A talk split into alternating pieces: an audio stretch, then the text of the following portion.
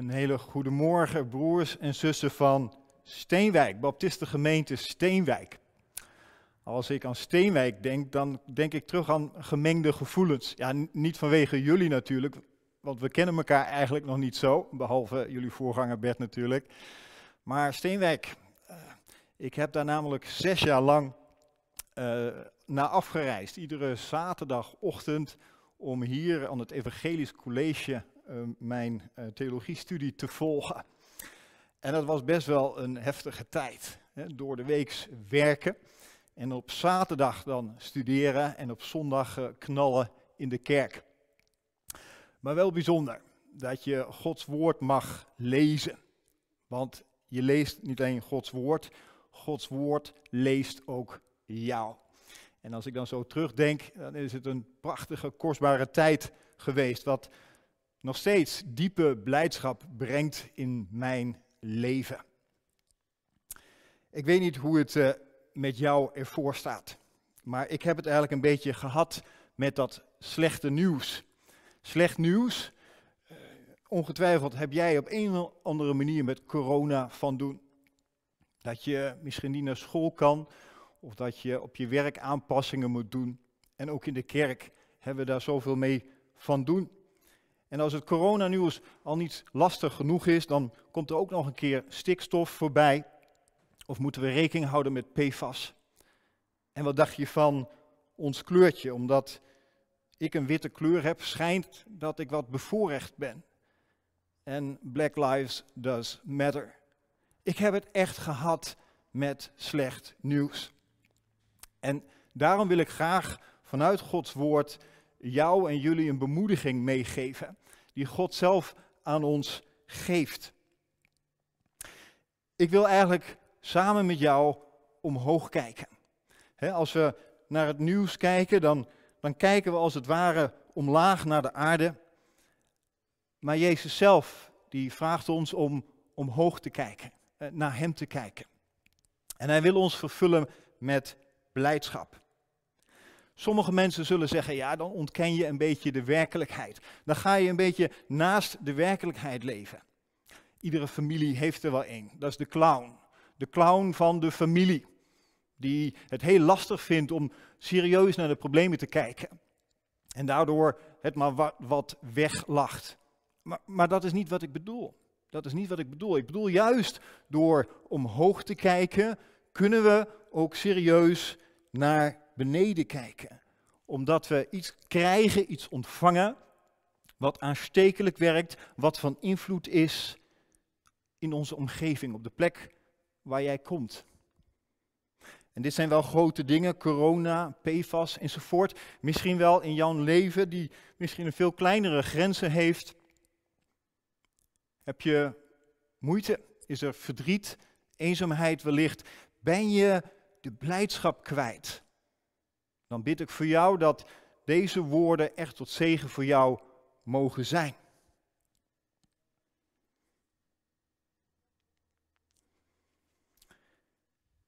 Paulus komt hem ook tegen. Dat zijn mensen die, eh, we kennen het begrip wel, een stoïcijns gezicht. Dat zijn mensen die eigenlijk niet empathisch naar de wereld kijken. Proberen hun eigen kaders veilig te hebben en maar niet bewogen te zijn met de samenleving. Terwijl de Bijbel ons juist oproept om bewogen te zijn met de samenleving. Dus we willen niet stoïcijns naast de werkelijkheid gaan leven, maar juist midden in de werkelijkheid gaan staan. Weet je, de reden van blijdschap bepaalt de identiteit en de intensiteit van de blijdschap.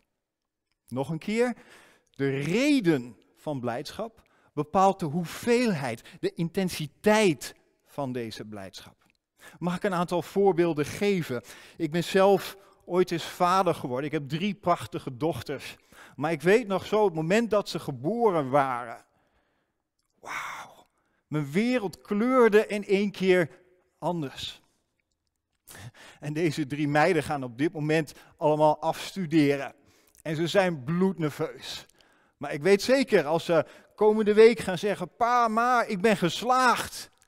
Dan is er intense blijdschap en, en schijnt de zon zoveel mooier en hoor je in één keer vogels fluiten. Snap je wat ik bedoel te zeggen? De reden van de blijdschap, die bepaalt hoe jij in het leven staat. En dat is een boodschap die de Bijbel ons wil geven. Ik praat ook wel eens veel met jongeren. En ik merk het, hè, jongeren die zeggen, joh, wat ga jij doen als je je studie afgerond hebt?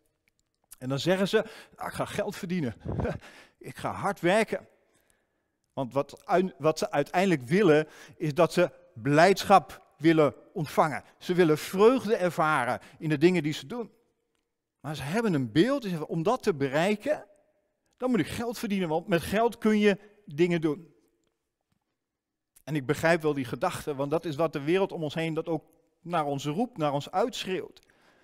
Maar weet je, ik kom uit het bedrijfsleven, ik kom uit een commerciële wereld.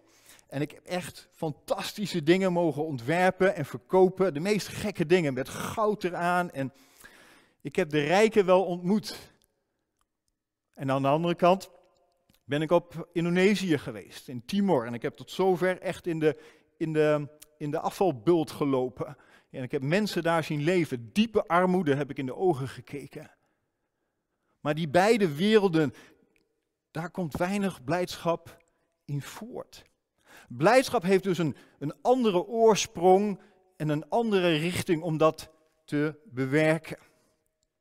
En daar komen we bij de Bijbeltekst die ik vanmorgen met jullie wil gaan lezen. Het is een korte Bijbeltekst. Het zijn woorden van Jezus uit Johannes 15, vers 11.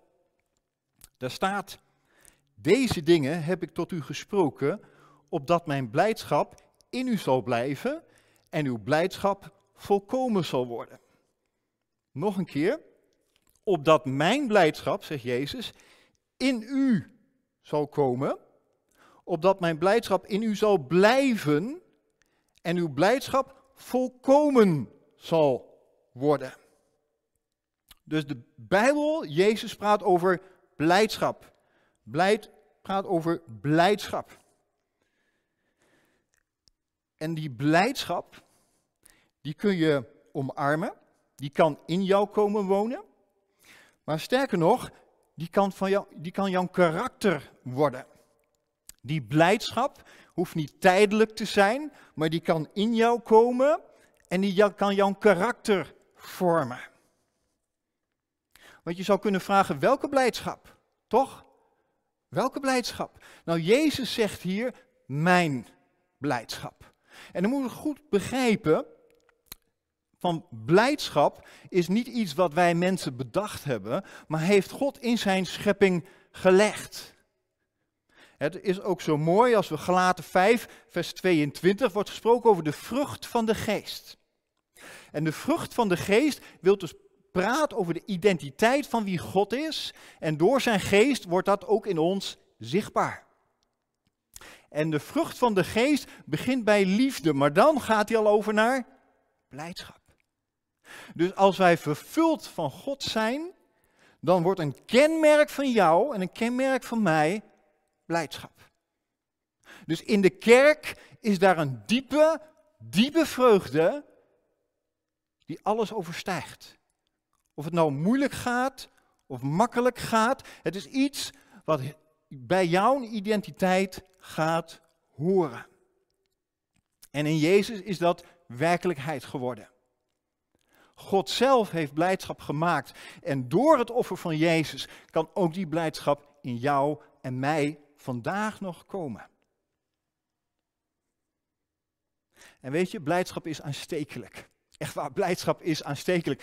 Ik, ik geef je een opdrachtje mee. Ga naar de supermarkt met je karretje op anderhalve meter en ga in de kassarij staan met een glimlach op je mond. En hij wordt beantwoord. Want het is zo mooi om blijmoedig te zijn en, en ook blijdschap daarin uit te eh, stralen. Dat wordt beantwoord. En we zeggen heel vaak hier en ook in deze gemeente, we willen een gemeente zijn zoals de Handelingen 2 gemeente. Nou, wat wordt daarover gesproken? Die Handelingen 2 gemeente, die zeggen, ze deelden alles in vreugde en eenvoud. Vreugde is een missionaire tool in onze handen. In een donkere wereld waar allemaal negatieve berichten worden neergezet. Blijdschap is een missionaire gereedschap. En dat ervaren we toch ook zo als mensen hier voor het eerst komen. en Zeggen van, wat, wat hebben jullie? Wat is dat toch wat, wat die diepe vreugde van binnen in jullie bewerkt? En we hebben die blijdschap niet uit onszelf, maar het is de Heilige Geest die dat in ons bewerkt. In deze zo troosteloze wereld. Waarin we die diepe blijdschap zichtbaar mogen laten worden. Als we goed lezen, dan staat er, mijn blijdschap, dus de blijdschap van Jezus, zal in u blijven. die blijdschap zal in u blijven. Maar daarmee gaat het nog verder. Er staat, en uw blijdschap zal volkomen worden. Hoor je het? Dat is een proces. Op het moment dat jij tot geloof komt in Jezus, dan mag je die blijdschap ontvangen, maar daar mag je aan werken. Dat is, dat is, dat is een proces. En we merken dat dat telkens vorm mag krijgen, telkens meer vorm mag krijgen, dat die blijdschap een karaktereigenschap van, van jou gaat worden. En dan vraag je je misschien af, maar hoe dan? Hoe gaat dat dan? Hoe werkt dat dan? Nou, dan moet je één vers teruglezen. Er staat, als u mijn geboden in acht neemt, zult u in mijn liefde blijven, zoals ik in de geboden van mijn vader in acht genomen heb en in zijn liefde blijf. En dan gaat het verder, deze dingen heb ik tot u gesproken. Deze dingen heb ik tot u gesproken. Als u mijn geboden in acht neemt, dan zult u in mijn liefde zijn. Ook opmerkelijk, er staan geen twee dingen. Je moet je de geboden in acht nemen en je moet lief hebben. Nee, je gaat lief hebben doordat je de geboden in acht neemt. En dan als vanzelf gaat die diepe vreugde, blijdschap van Jezus, gaat ook in jou plaatsnemen. Dus dat moet je voeden. Dat moet je voeden. Iedere dag een gezonde portie vanuit zijn woord.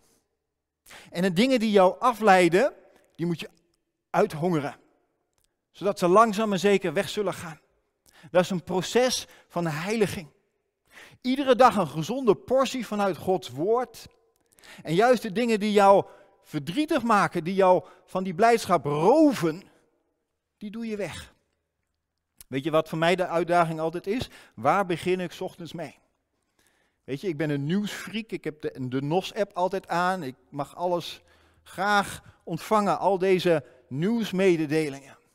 Maar als ik daarmee begin, dan kleurt dat de rest van mijn dag. Dan kleurt dat de rest van mijn leven. Ik begin de ochtend met Gods woord.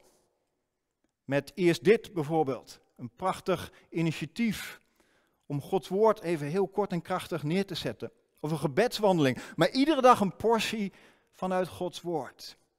Maar al die dingen die mij afleiden, die moeten afsterven. Dus kijk uit voor blijdschaprovers. Maar voed die blijdschap. Weet je, en als het eenmaal je karakter wordt, dan wordt het onmerkbaar, wel in één keer zichtbaar. Dan ga je als vanzelf zo reageren. Blijdschap, ondanks moeite.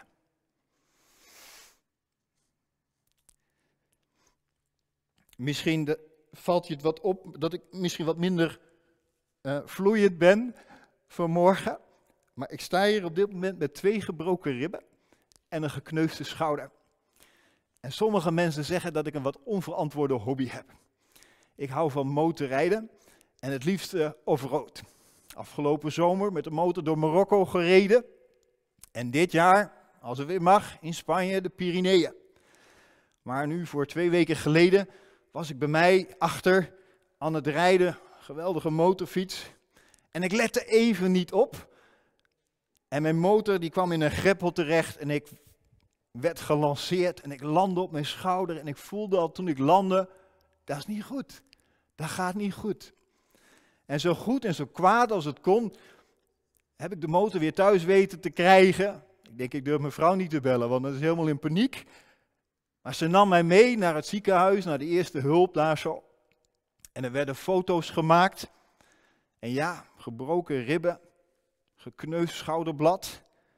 Ja, en dan, het was al in de avond, het was eigenlijk al diep in de nacht, want ik was s'avonds wezen rijden.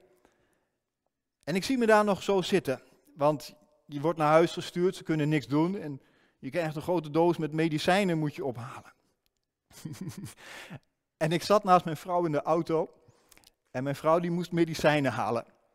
En vrouwen kennen dat wel. Hè? Als mannen ziek zijn, dan zijn ze heel erg zielig. Nou, zo zat ik daar eigenlijk. Wachtend op medicijnen van mijn vrouw. Maar het was een bijzonder moment. Want ik had pijn. Maar God kwam daar zo dichtbij op dat moment. normaal gesproken moet je nog wel eens even omhoog kijken. Maar in dit geval kwam God zo naar beneden. En ik had pijn. Het zweet liep op mijn hoofd. Maar ik, ik kwam als vanzelf in aanbidding tot God. En ik werd blij. Zijn blijdschap kwam over mij. Dat is onze God. Onze God komt ons tegemoet. En die wil ons vervullen met blijdschap. Zodat jij op jouw beurt die blijdschap weer kan delen naar anderen. En ik wil afronden met een, met een, met een, met een, een oproep op dit moment, op vanmorgen. Als jij zegt van mijn leven kent zo weinig blijdschap. Dan is mijn gebed, vraag Jezus in jouw hart. Dan komt Hij met zijn blijdschap. Zijn blijdschap zal dan in jou blijven. En hij zal, hij zal volkomen in jou worden. En je zal merken, mensen om jou heen gaan zeggen, wat, wat is dat, die blijdschap die je in jou hebt? En dan zul je gaan ervaren wat het betekent om een volgeling van deze blijde Jezus te zijn. Dat bid ik jou toe. Uit genade. Amen.